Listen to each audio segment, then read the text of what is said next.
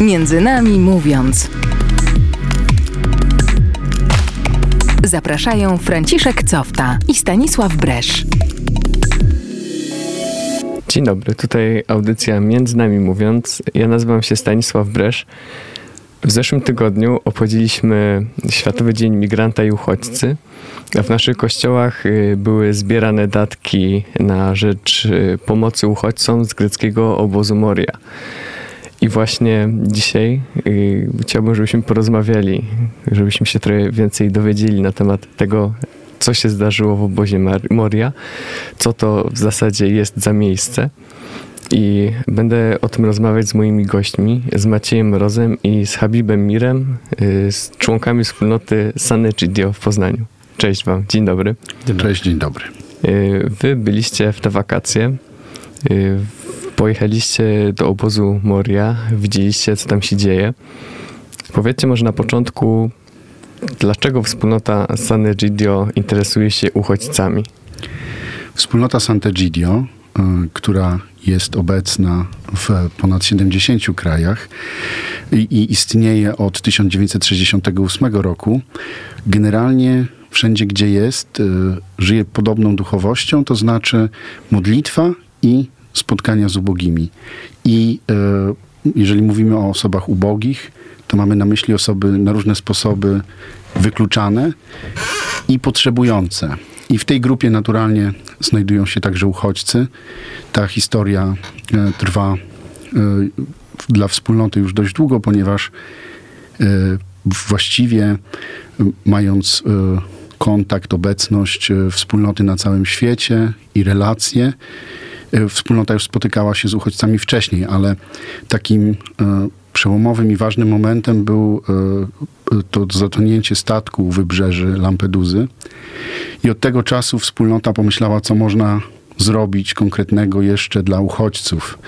I zaczęła dwie inicjatywy takie. Po pierwsze, mieliśmy teraz, obchodzimy w tym czasie jeszcze tydzień modlitwy za uchodźców. E, ta modlitwa nazywa się Umrzeć z nadziei, nawiązuje do tego, że osoby w swojej podróży nadziei do Europy niestety giną. I e, wspólnota chce o nich pamiętać, o konkretnych imionach, bo to nie są tylko jakieś statystyki, jak często widzimy w mediach, ale to są przede wszystkim konkretni ludzie z konkretnymi imionami, z konkretnymi historiami i myślimy, jesteśmy do tego przekonani, że nie chcemy o nich zapominać. I stąd co roku, e, wszędzie gdzie wspólnota jest obecna, są te modlitwy, ale przede wszystkim wspólnota też jest znana z e, takiego projektu, który się nazywa Korytarze Humanitarne. I to jest projekt z pomocy uchodźcom, stworzony najpierw we Włoszech we współpracy z e, kościołem Waldensów i z luteranami, e, który polega na tym, że uchodźcom najbardziej potrzebujący e, pomaga się w ten sposób, że przede wszystkim się ich spotyka, tak jak opowiemy o tym później. Mieliśmy okazję spotkać się z uchodźcami na Lesbos tego lata i wśród tych ludzi e, próbuje się znaleźć tych najbardziej potrzebujących, zwłaszcza dzieci, osoby starsze, chorych.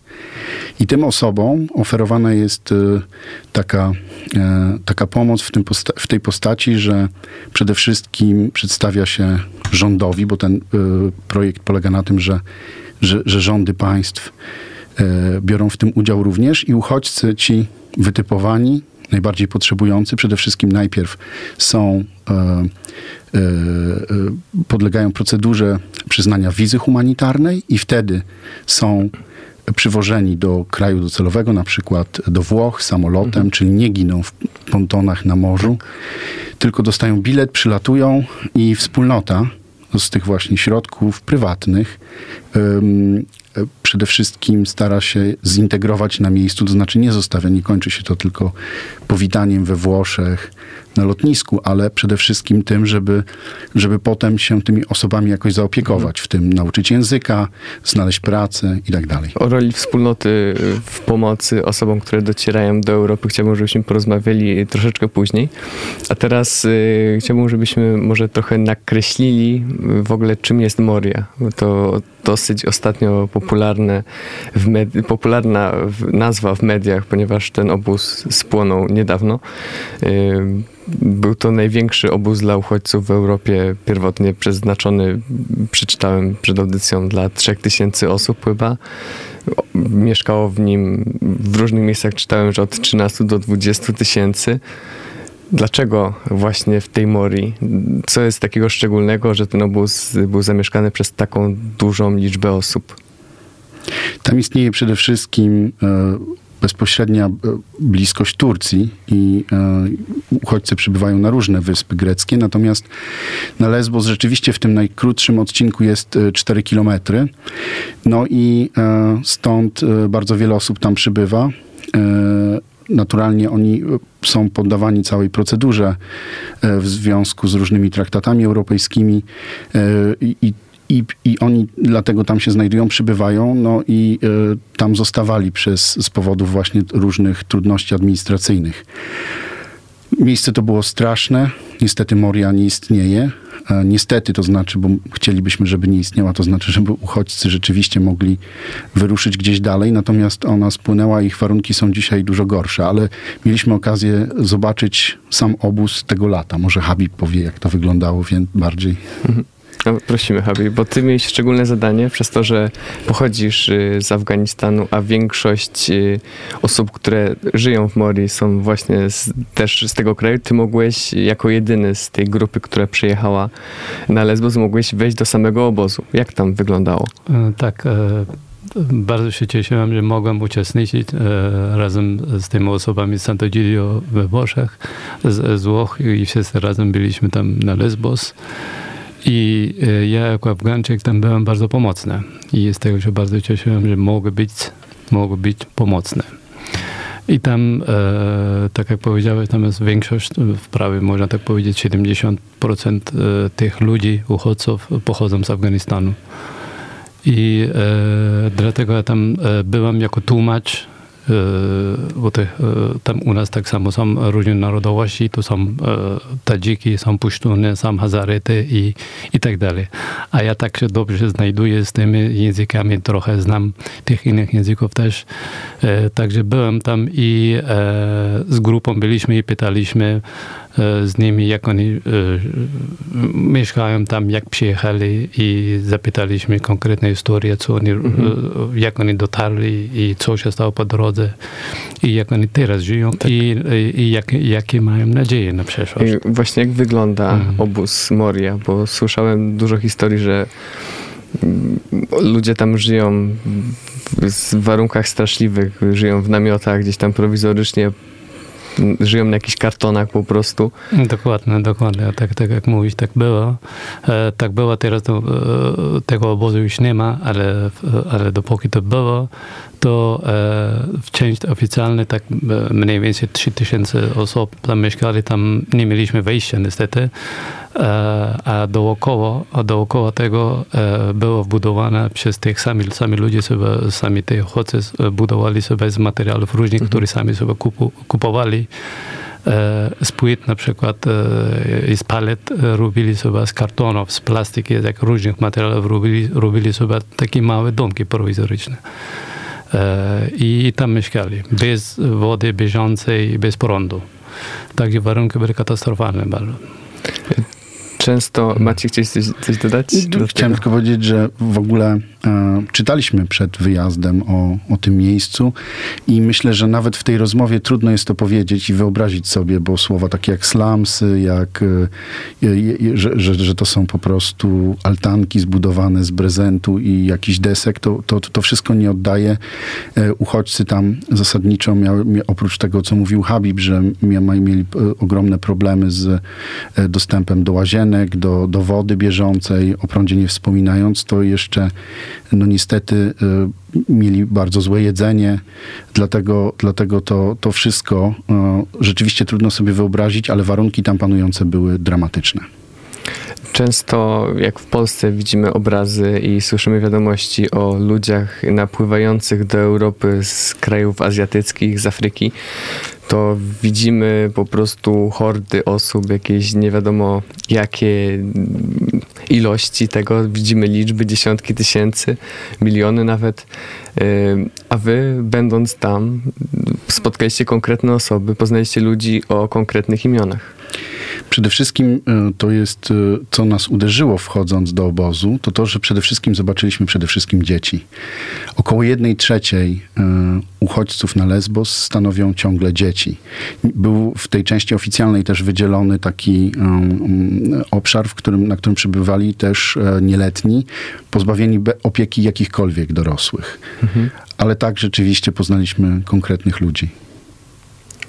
Y, a czy to jest y, tak, że, bo często nam może się wydawać, i powiem szczerze, też się może łapie na tym, na takim myśleniu, że ci ludzie przyjeżdżają tutaj do Europy tak po prostu y, szukając lepszego życia, ale nie w takim kontekście, że uciekają przed jakimś zagrożeniem, tylko widzą, słyszą, że w Europie po prostu się żyje lepiej i to jest ich motywacją jest chęć zarobku albo czegoś w tym rodzaju.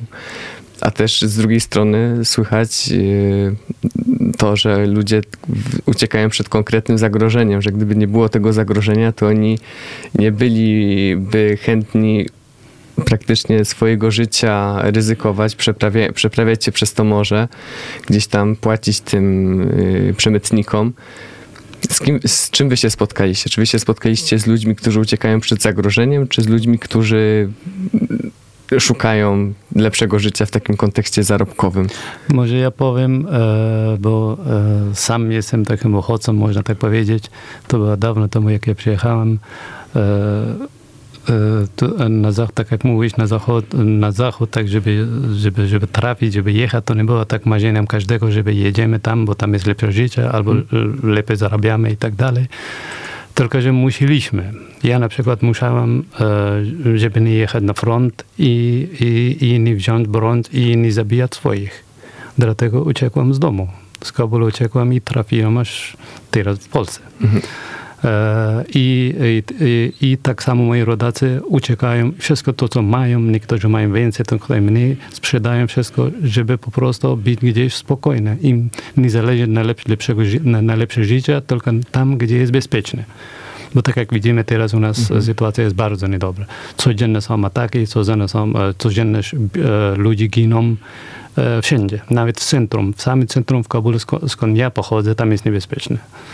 Tak, dlatego ludzi, ludzi po prostu uciekają na bezpieczne miejsca. Im nie zależy na to, że to musi być Niemcy, czy musi, musi być Stany Zjednoczone, czy gdzieś indziej. Tak. Po prostu uciekają, bo muszą. Ja spotkałem tych ludzi e, w obozie, oni mówili, że tutaj są takie warunki, e, że on, oni by chcieli e, z powrotem pojechać do domu. Tam, gdzie bardzo mhm. niebezpiecznie, ale wiedzieli, że tam jest ich rodzina, tam, tam, tak. tam było lepiej niż w tym na obozie. E, bo, bo, bo oni wiedzieli, na czym stoją, bo tam, tam albo się żyje, albo nie. A tutaj, tutaj była w ogóle duży znak zapytania, co będzie z nich. Ani nie mogli ani dalej jechać, ani co z nimi będzie i, i w takich warunkach e, mieszkali i dalej mieszkają, teraz tak są. Ja myślę, jeszcze tak warto powiedzieć, że na pewno wśród tych osób i też spotykaliśmy osoby, które, zwłaszcza młode, które przemieszczały się do Europy y, w, podążając za marzeniami, na przykład, żeby się móc uczyć, żeby, żeby studiować. I ważne w tym wszystkim, wydaje mi się, patrząc na różne e, opowieści o uchodźcach w mediach, żeby powiedzieć, że, że chodzi o pewne proporcje i zdecydowana większość, to o czym mówił Habib, to są ludzie, którzy unika, uciekają przed jakimiś niebezpieczeństwami albo prześladowaniami. Ja ciągle mam w, w głowie obraz e, taki, rozmawialiśmy z Abdulem z Syrii i opowiadał historię swojej rodziny i to była historia absolutnie dramatyczna, bo mówił, że jego ojciec za e, odmowę e, walki dla reżimu został wtrącony do więzienia. On nie wie, co się z nim dzieje. Natomiast jego wuj kiedy nie chciał walczyć, został postrzelony, a kiedy ten postrzał po przeżył, e, został e, oblany benzyną i żywcem podpalony. Tak wygląda jego rzeczywistość. On mówił, ja tu myślicie może, że przyjechaliśmy żyć z zasiłku w Europie. Ja byłem studentem prawa i nasza rodzina była bardzo bogata. Ja tutaj nie będę nigdy taki bogaty. Ja bym chciał po prostu spokojnie żyć. I w tym gronie dołączały kolejne osoby, które mówiły podobne historie albo pokazywali nam wręcz e, ślady po torturach, pozrywane paznokcie i tak dalej. No bo to chyba też nie jest tak, że każdy może uciec. To też kosztuje i strasznie dużo pieniędzy. Zapłacenie tym przemytnikom, To, tak, od to zorganizowanie tego. Ty, To bardzo dużo kosztuje i e, te ludzie, którzy z Afganistanu na, na przykład przyjadą, e, oni, oni sprzedają wszystko to, co mają. Sprzedają i biorą e, u kogoś innego sąsiada, u swoich rodzin, biorą pieniądze i e, że- żeby dotrzeć, żeby dotrzeć gdzieś na zachód. Albo jedna osoba, albo dwie, jak trochę więcej zbierają, to całymi rodzinami uciekają.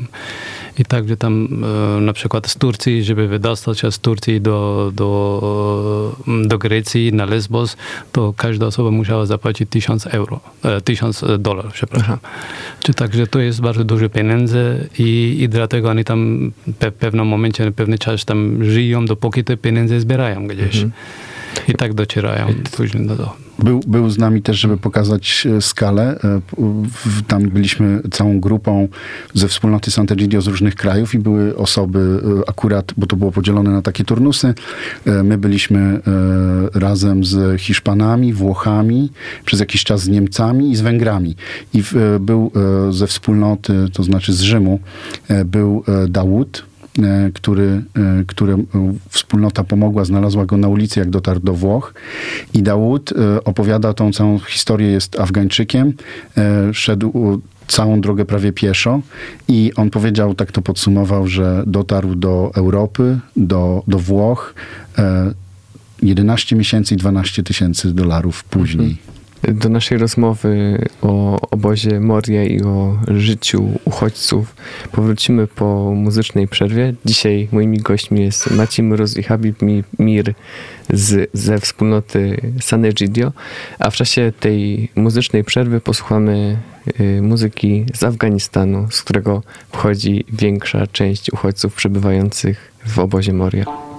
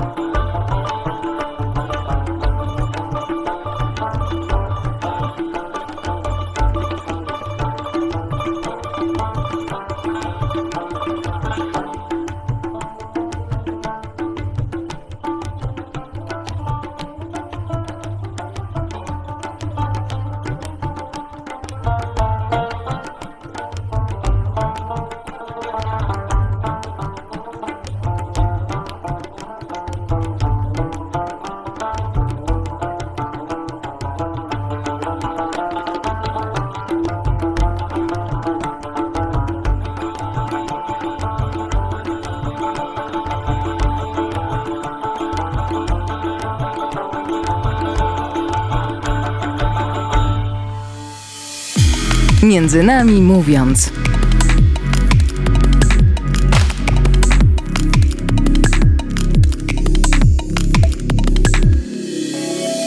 I wracamy do naszej rozmowy. Dzisiaj naszym tematem jest y, obóz Moria i generalnie życie uchodźców w Europie. Rozmawiam dzisiaj z Maciejem Rozem i z Habibem Mirem z poznańskiej, z poznańskiej części wspólnoty San Egidio. Maciej i Habib razem z kilkoma innymi osobami ze wspólnoty w wakacje spędzili kilka dni, ponad tydzień chyba, y, właśnie w Mori i w okolicy obozu. Powiedzcie mi, jakie były wasze zadania na miejscu?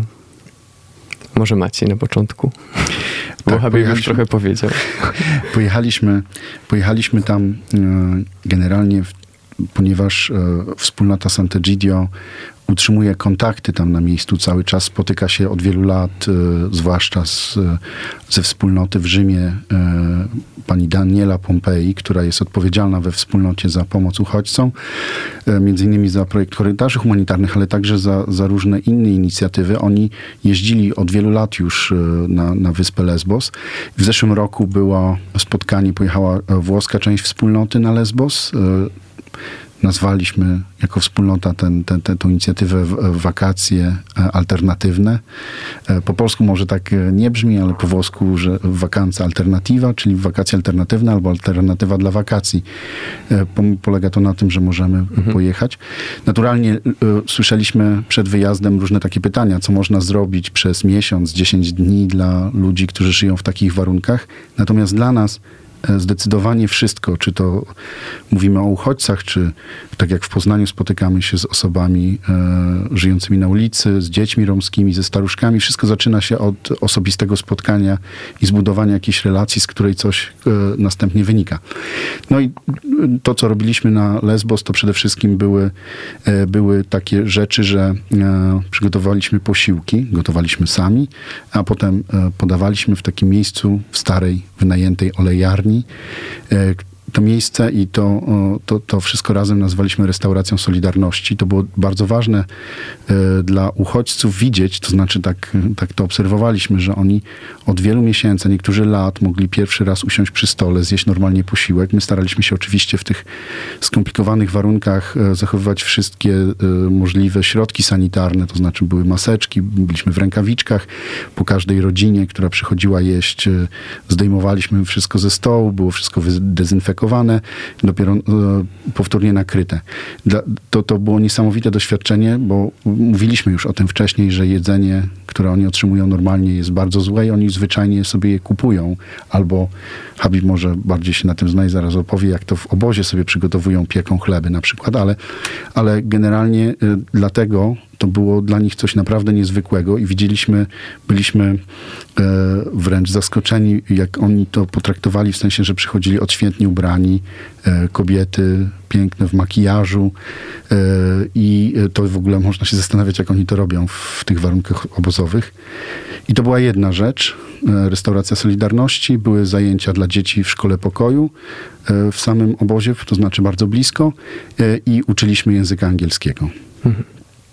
A Habib, ty co robiłeś? Bo już na początku tam powi- powiedzieliśmy, opowiedziałeś trochę, że ty mogłeś wejść do obozu, do, do środka i co, co ty tam konkretnie robiłeś? A konkretnie to e, byliśmy tak grupami, chodziliśmy do tego obozu.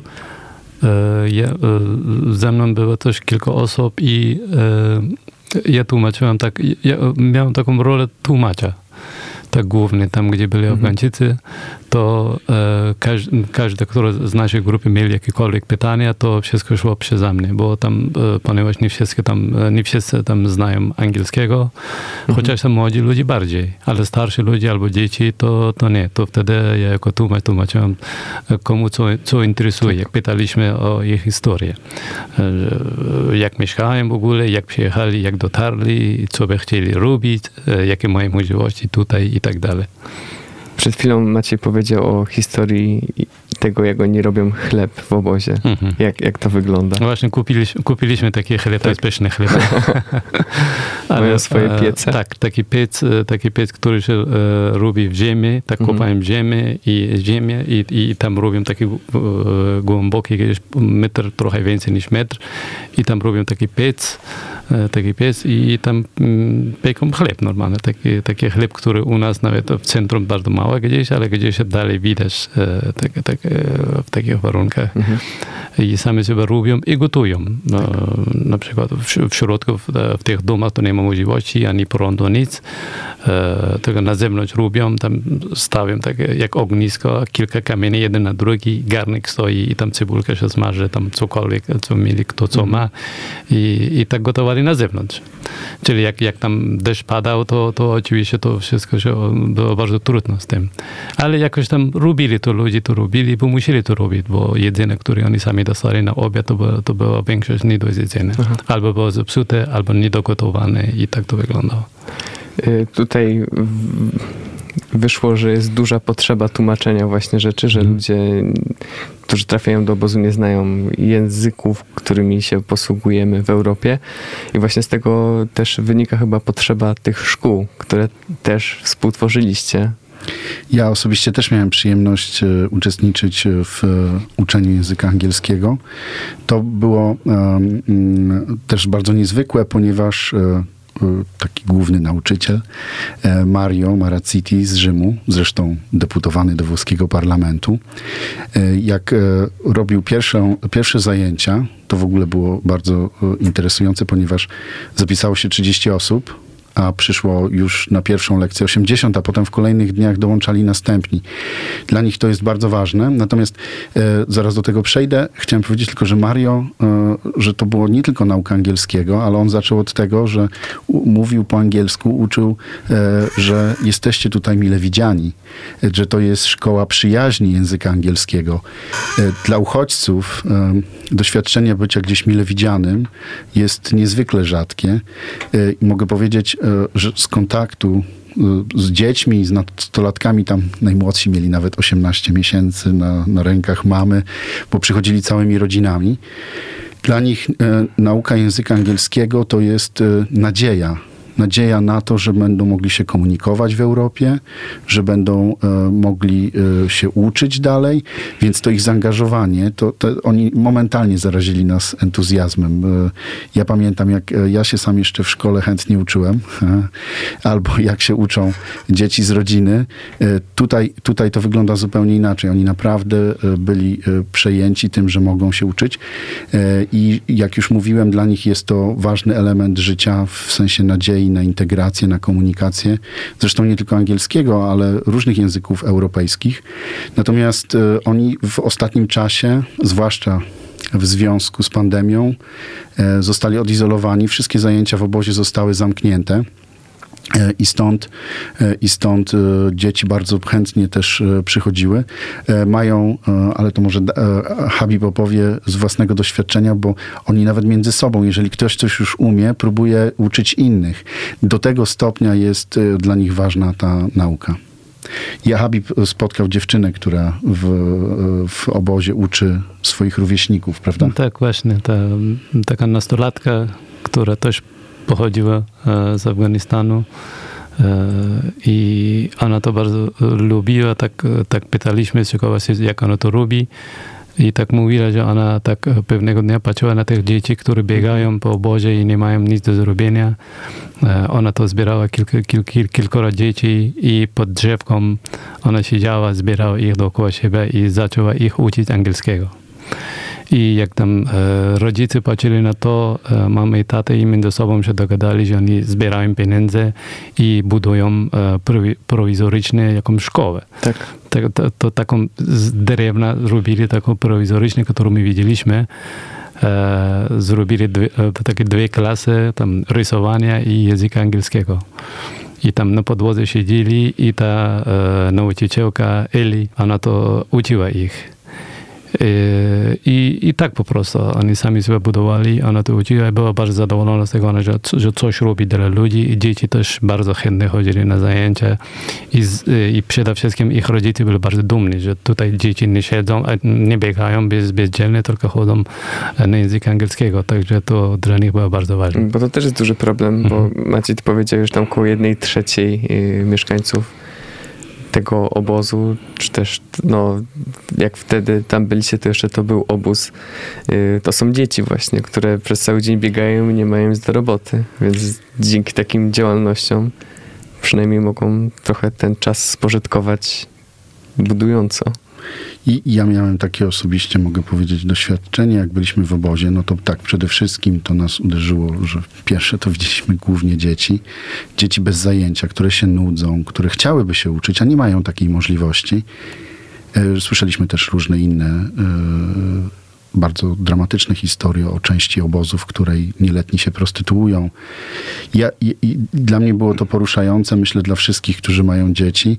E, ja po prostu, e, moja wyobraźnia pracowała w ten sposób, że e, widziałem w tych dzieciach też tych, te, te dzieci z naszej rodziny i myślałem o tym, co by było, gdybyśmy byli w tej samej sytuacji. Oni się niczym od nas nie różnią.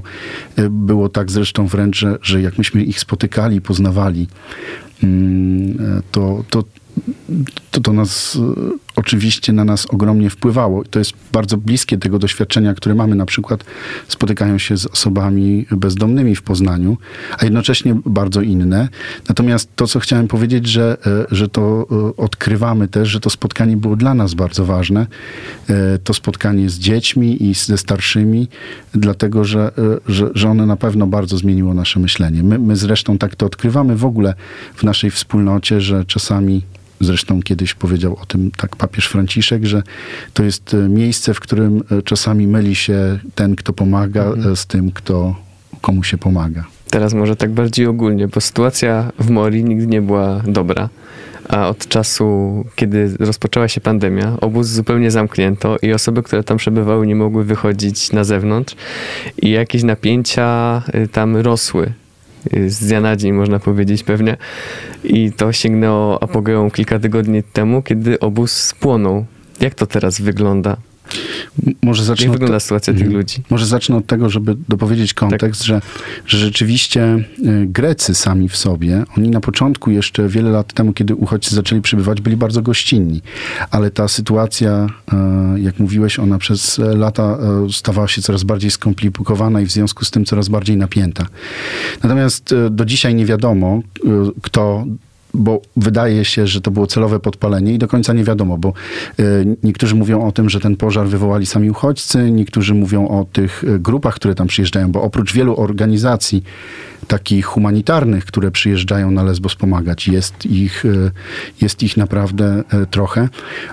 Tam przyjeżdżają też ludzie, co jest dla mnie absolutnie niepojęte, e, żeby uchodźcom e, życie uprzykrzać. Bardzo często różne grupy takie skrajnie prawicowe, wręcz neofaszyzujące, przyjeżdżały tam z całej Europy, nie tylko z Grecji, ale i z Polski, i z Niemiec, i z Węgier, podpalać obóz.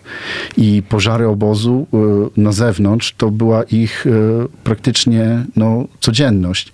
Natomiast jeżeli chodzi o ten sam pożar, no w wyniku niego oczywiście to się odbyły właściwie dwa pożary 8 i 9 września i one strawiły obóz całkowicie doszczętnie. Zarówno tą część nieoficjalną, mhm. nazwaną dżunglą, jak tą część oficjalną, tą przeznaczoną pierwotnie dla 3000 osób. I 12 tysięcy ludzi, ponieważ jak my byliśmy tam, to było około 16 tysięcy ludzi w całym tym obozie, zimą jeszcze 20, ale y, oczywiście oni są na bieżąco czasami przenoszeni w inne, do innych obozów, albo na stałym lądzie, albo na innych wyspach. O, 12 tysięcy ludzi znalazło się na ulicy i trudno to sobie wyobrazić, jak sytuacja ludzi żyjących w tak skrajnie tragicznych warunkach mogłaby się jeszcze pogorszyć. No i to się właściwie stało. Stało się to e, z dnia na dzień. E, oni wylądowali, koczowali na ulicy. Są zdjęcia bardzo przejmujące, e, pokazujące, że dzieci śpią na asfalcie, spały na asfalcie albo w koszach na śmieci. Zdarzało się tak, ponieważ ciągle istnieje sytuacja pandemii i z tego powodu, że tam w obozie no, nie, nie było możliwe zachowywanie żadnych warunków sanitarnych, ani żadnego reżimu. E, uchodźcy traktowani są, no, nie, nie, są przebadani, nie wiadomo, kto z nich może mieć koronawirusa. W związku z czym e, zostali odseparowani i nawet organizacje pomocowe nie były do nich dopuszczane. To kończyło się scenami absolutnie dramatycznymi. My e, poznaliśmy tam ludzi, będąc, oni nam wysyłają i zdjęcia, i filmiki one są po prostu mrożące krew w żyłach. To są sytuacje, w których z powodu tego, że nie dostawali jedzenia, głodowali, to na przykład matki nie miały pokarmu dla, dla, dla małych dzieci, albo w wyniku jakichś narastających napięć w manifestacjach, oni zostali potraktowani gazem i oglądaliśmy właśnie jeden z naszych znajomych przysłał nam filmik, jak pięcioletnia dziewczynka płacze, poparzona, mama ją trzyma. To, były, to są sytuacje absolutnie dramatyczne. Oni teraz stopniowo są przenoszeni do nowego, tak zwanego tymczasowego obozu w, na terenie bazy wojskowej Karetepe, ale tam namioty są ustawione bardzo blisko siebie. W jednym namiocie bywa stłoczonych kilka rodzin. E, te namioty nie mają żadnej podłogi, to znaczy tam jest goła mhm. ziemia e, i e, oni są odseparowani. Część tego, tego obozu przeznaczona dla osób, które mają zidentyfikowane zarażenie e, COVID-19, oni, oni koczują właściwie na plaży. Ludzie z wysoką gorączką e, w miejscu, które staje się coraz bardziej zimne. Więc e, no, te, te, te historie są rzeczywiście bardzo, bardzo dramatyczne. A macie kontakt z jakąś osobą, która y, tam została w Mori? Ja mam kontakt z tą dziewczyną, o której mówiłem, która była nauczycielką. E, Eli e, i właśnie ona mówiła, że tam w tym morzu było bardzo źle, ale, ale było lepiej niż teraz. Mhm. Teraz to, co w Karatepie mają w tych namiotach, to jest jeszcze gorzej. Bo przede wszystkim, bo to jest taki otwarty teren, z jednej strony jest góry, z drugiej strony jest woda to nic więcej nie ma i nie ma wyjścia, żeby nie mają, ludzie nie mają wyjścia, gdzie iść. Tam, tam na, e, w morzu, co było, to mhm. oni byli bliżej góry i tam były drzewa, cień, trochę, trochę natura, można powiedzieć, e, świeże powietrze, a tutaj, tutaj niestety oprócz tego, że tam warun, warunki są katastroficzne, to miejsce też jest niedobre miejsce wybrane. E, ale ta, akurat ta dziewczyna mówiła, że ona dostała bilet i, i już w poniedziałek wyjeżdżają do Ateny. Aha. Także jej, jej się tak poszczęściło, tak powiem, że z rodziną wyjeżdża e, i kilka innych osób, ale tam są kilkanaście, kilkanaście tysiąc osób, e, los, który, e, które jeszcze nie są mhm. znane, do kiedy oni będą, ile tam będą. Czyli jeszcze nie ma pomysłu na to, co zrobić z tymi ludźmi. Absolutnie. Absolutnie, oni przebywają tam. E, oni się tego boją. Oczywiście sami protestowali całkiem niedawno. Możemy też obserwować w mediach takie obrazy, kiedy oni wychodzą z kartonami, z napisami Freedom, bo traktują, e, uważają, że, e, że obóz, który jest tymczasowy, znowu, bo Moria też miała być obozem tymczasowym. I oni się boją, że to będzie znowu jakaś sytuacja na bardzo długi okres czasu. Y, tak może kończąc już y, powoli naszą rozmowę i wracając do tego tematu poruszonego na początku, czyli o, do korytarzy humanitarnych, Pamiętam, że papież Franciszek kiedyś, jak jeszcze ten kryzys uchodźczy się dopiero rozpoczynał, gdzieś tam, nie wiem, czy to był 2015 rok, czy może, może coś koło tego, papież Franciszek zaapelował do, do parafii każdej, że w sumie wyszedł z takim pomysłem, że każda parafia mogłaby przyjąć jedną rodzinę uchodźczą. I mi się wydaje, że te korytarze humanitarne proponowane przez y, wspólnotę San Egidio trochę ten pomysł chwytają. Korytarze humanitarne e, to nie jest jakaś e, złota recepta na wszystko. E, te, do tego momentu do Europy w ramach korytarzy humanitarnych przybyło kilka tysięcy uchodźców w różnych turach i nie tylko zresztą do Włoch, ale również do Belgii i Francji. Jeden korytarz otworzył episkopat Włoch. Natomiast to zdecydowanie jest kropla w morzu. Korytarze humanitarne są pewnym e, pokazaniem, że może istnieć taki model, e, w którym dla, w sposób absolutnie dla wszystkich bezpieczny, bo jak już mówiłem, osoby, które, e, które przybywają, są sprawdzane, to znaczy otrzymują wizy humanitarne, ale też e, właśnie zajmują się tym państwa, żeby, e, żeby sprawdzić, kim te osoby są. E, z drugiej strony przybywają w sposób absolutnie bezpieczny. Nie, nie dajemy, nie, nie wciągamy się jako Europa w, we współpracę z organizacjami przestępczymi, które szmuglują ludzi. Te, ci ludzie przybywają samolotami w sposób godny i bezpieczny, a potem zajmujemy się ich integracją to znaczy e, oni e, trafiają do właśnie różnych parafii we Włoszech, e, w, do, do, w jakieś środowiska, wspólnoty, między rodziny, uczą się języka, znajdują pracę i nie są zostawione też same sobie.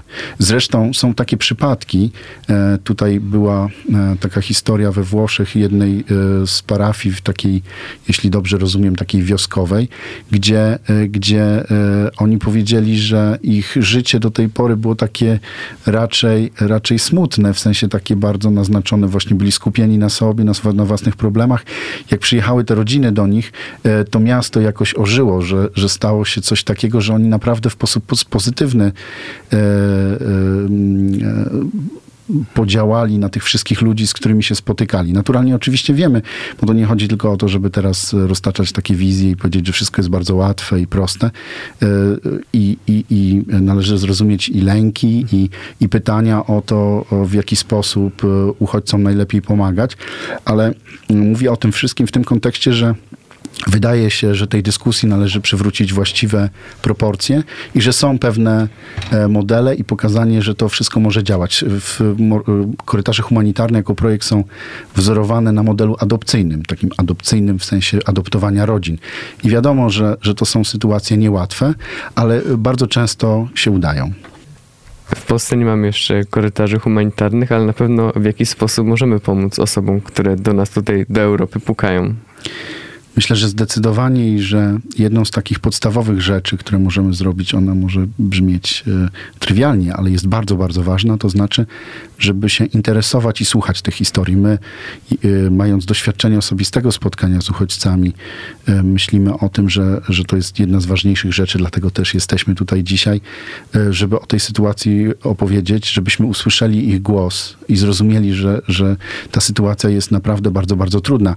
W Mori kiedy jeszcze istniała, e, przy wejściu na murze ktoś napisał takim sprayem napis po angielsku: Przepraszamy, uchodźcy, to nie jest Europa.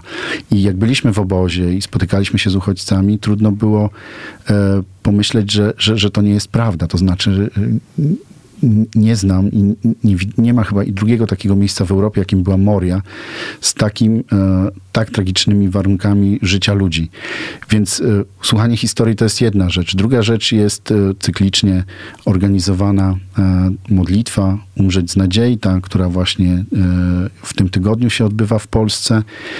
Można przyjść, bo wierzymy, że modlitwa i udział w tym wydarzeniu to są realne sposoby okazania solidarności uchodźcom. To znaczy modlitwa mamy takie przekonanie rzeczywiście może zmienić e, to, co, to stan obecny, a przez swoją obecność można pokazać, że, e, że się jest solidarnym, że się o tym myśli. Więc te, te rzeczy oraz można oczywiście w chwili obecnej brać udział czynnie, dając swoje pieniądze na różne zbiórki, ponieważ sytuacja ta, która jest obecnie na Lesbos, ona, ona będzie się dynamicznie zmieniać. W tej chwili te organizacje humanitarne mają utrudniony dostęp, ale są różne inne rzeczy. Są organizacje, które wynajmują uchodźcom mieszkania w pobliskiej y, miejscowości, która jest stolicą wyspy w Mitylene, więc y, te, także wsparcie finansowe jest tam bardzo, bardzo potrzebne. Habib? Ja bym chciał e, tutaj właśnie chciałem w Polsce bardzo, jak wróciłem z tego obozu, i tak prawie codziennie tak mówię dookoła siebie tym ludziom, których spotyka, e, spotykam i których znam, e, o, o życie tych ludzi w ogóle. Bo w Polsce, tak, tak niestety powiem, e, nie, wszyscy, nie wszyscy chcą, żeby, żeby ktoś tutaj mieszkał z tych uchodźców. Mhm. I, I odkąd ja wróciłem z, z tego obozu, opowie, opowiadając tę historię, historię i tu widzę, że ludzie tam słuchają to. Jednak ludzie to zrozumieją niż bardziej mi rozumiem niż tam dwa miesiące temu. Bo coś innego, jak ludzie słuchają, że tam jest źle, tam jest źle, że to uchodźcy są wszyscy są źle, są inne kultury, są e, zupełnie inne. Coś innego, jak, jak człowiek widzi i konkretnej historii słucha. I dlatego to jest bardzo ważne, tak jak Maciej mówi, żeby tutaj ludzie po prostu powiedzieć o historii ludzi, że oni są tacy sami ludzie, tak jak my. Oni chcą po prostu żyć normalnie, w pokoju, dzieci chcą do szkoły, dorosłe chcą pracować, tak jak ja. Mhm. Jak, ja też jestem uchodźcem, który tutaj odkąd jestem w Polsce pracuję, mam tutaj rodzinę i, i, i, i wszystko jest ok. I tak samo takich, ta, takich jak bardzo dużo. Tych ludzi tak, tak są to normalne, zwykłe ludzi, tak jak ja. I dlatego to, to chciałem właśnie tym, tym ludziom, Polakom tutaj opowiedzieć o tych normalnych ludzi. Mamy takie przekonanie, że takie rzeczy dobre i dobre zrozumienie też sytuacji um, zaczyna się od spotkania. Mówiliśmy, że to zmienia i sytuację osób w trudnej sytuacji, ale nas samych. I e, przychodzi mi na myśl takie podsumowanie, jako podsumowanie taka, e, taka myśl, którą napisała na, na Facebooku nasza koleżanka z Warszawy, Magdalena Wolnik, e, z, udostępniła zdjęcie z naszej restauracji Solidarności e, i napisała, że e, na tym zdjęciu właściwie jest wszystko. Ona opowiada o, o tym, że, że jest i e, miesza się to, kto komu pomaga, ale że jest radość spotkania i przełamanie przełamanie lęku. My mhm. często spotykając e, różnych ludzi, nawet w naszym mieście, czy osoby bezdomne, czy mamy przecież migrantów, e, Romów e, wśród nas i często te osoby budzą w nas jakiś lęk. Natomiast kiedy spotykamy się, poznajemy ich historię, oni poznają nas, ten lęk się przełamuje i, i, i staje się coś dziwnego. I Magda w tym komentarzu napisała, że ma przekonanie, myślę, że wszyscy je podzielamy, że, że taka jest rzeczywistość nas wszystkich. To znaczy, że e, oczywiście mamy prawo mieć lęki, natomiast to spotkanie pokazuje nam, e, co z tego może wyniknąć i że, e, że to będzie coś bardzo dobrego. A rozwiać nasze lęki możemy właśnie poznając, y, dowiadując się więcej o, o, tych, o tych rzeczach, które tam się dzieją. I wydaje mi się, że z tego naszego dzisiejszego spotkania dużo y, mogliśmy wiedzy wyciągnąć, dużo się dowiedzieć na temat tego, co, co się dzieje w Mori, w Grecji.